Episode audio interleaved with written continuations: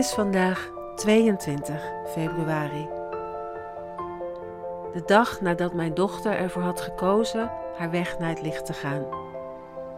Maar het was natuurlijk niet klaar nadat Daisy haar weg was gegaan. Sterker nog, dit was het begin. Het begin van een helende reis voor haar moeder. Ik weet nog toen ik die avond na haar sterven heel laat naar huis was gereden en thuis op de bank was neergezakt met haar beertjes in mijn handen die ik had meegenomen. Dat we elkaar aankeken en niet anders dan konden concluderen dat we ons voelden alsof we van een mooi feestje terug waren gekomen. We durfden het nauwelijks tegen elkaar te zeggen, weet ik nog. Dat was een vreemd en tegenstrijdig gevoel, wat natuurlijk ook biochemisch te verklaren is. Als ik iets had begrepen van mijn tijd met Daisy, dan was het wel dat dwars door alle pijn en verdriet heen het leven al haar schoonheid laat zien. En zij had mij geleerd te kijken. Maar ze was nog niet klaar. Juist door haar sterven zou ze me iets heel belangrijks leren. Iets waarmee ze mij in één klap tien treden hoger zette op de ladder die ik uit mijn jeugd had proberen te klimmen uit mijn angst voor leven en dood. En dat juist mijn eigen dochter zou overlijden, leerde mij de belangrijkste les van het leven. Ik had de dood letterlijk in de ogen moeten kijken. In de ogen van mijn kind. En wat er de komende dagen tot aan haar crematie gebeurde, is misschien wel het belangrijkste om te delen, omdat daarin haar werkelijke boodschap lag. Dwars door al het verlies, de diepe pijn en het onpeilbare verdriet erover, opende ze mijn ogen voor een andere manier van leven. En bleek dat ze vooraf al een heleboel had gearrangeerd om dit stuk op een hele mooie en bijzondere manier af te ronden. Deze day after stond vooral in het teken van dingen regelen. Ze moest naar huis, waar dat dan ook was. Op de vraag of ze thuis opgebaard zou worden, had ik ook een heel vastbesloten antwoord. Dat was niet nodig. Het was nooit de bedoeling geweest dat haar plek bij mij thuis zou zijn. Haar prachtige babykamer schonk ze aan haar broertje, die veertien maanden later het levenslicht zou zien. En over de kaarten hoefde ik niet lang na te denken. Zo eenvoudig en mooi als zij had geleefd, waren ze alleen maar wit, net als haar geboortekaartje, met daarop de tekst, het versje dat ik in het ziekenhuis op het printervelletje had geklad. Het zei alles wat nodig was. En geen zwart voor tijdens de crematie.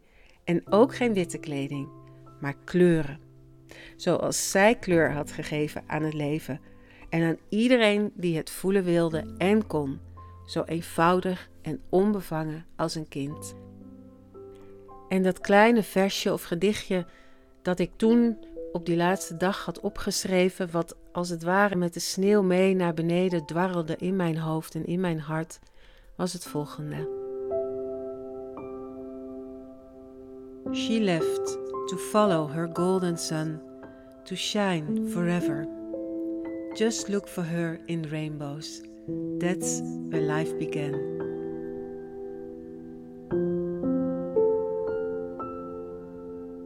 En omdat ik voor geen moment geloofde dat zij werkelijk gestorven was, had ik op het kaartje geschreven: Engelen worden niet geboren en engelen sterven niet.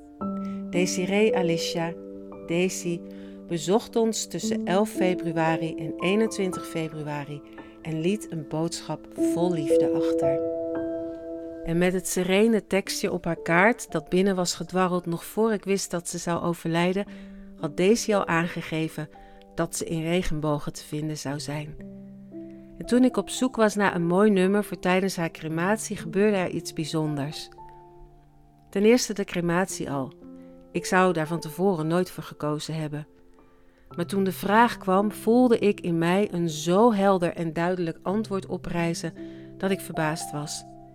Niet alleen was het duidelijk dat het een crematie moest worden, maar ik zag en voelde ook precies waarom.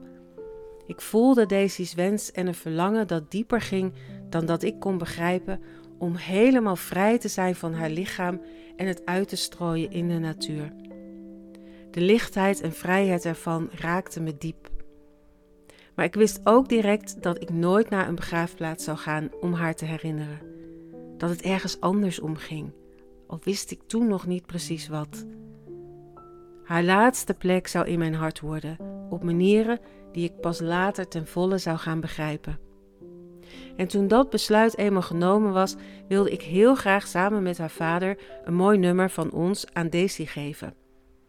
Hij was DJ en ik werkte toen als radiopresentatrice. En daardoor hadden we thuis een ongelooflijke grote stapel singles. Ik wist dat daar een nummer bij zou zitten. Dus zette ik alle singles naast mij op een rij en ging één voor één alle stapels af, waarbij ik degene die ik had bekeken aan de andere kant zette.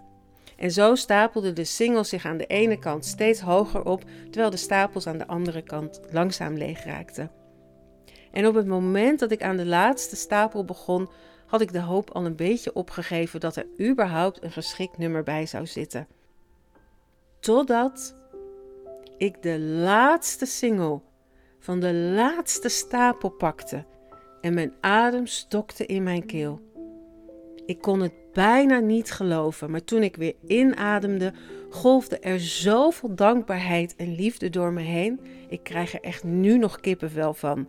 En ik zat alleen maar te stralen door mijn tranen heen. En ik wist het meteen.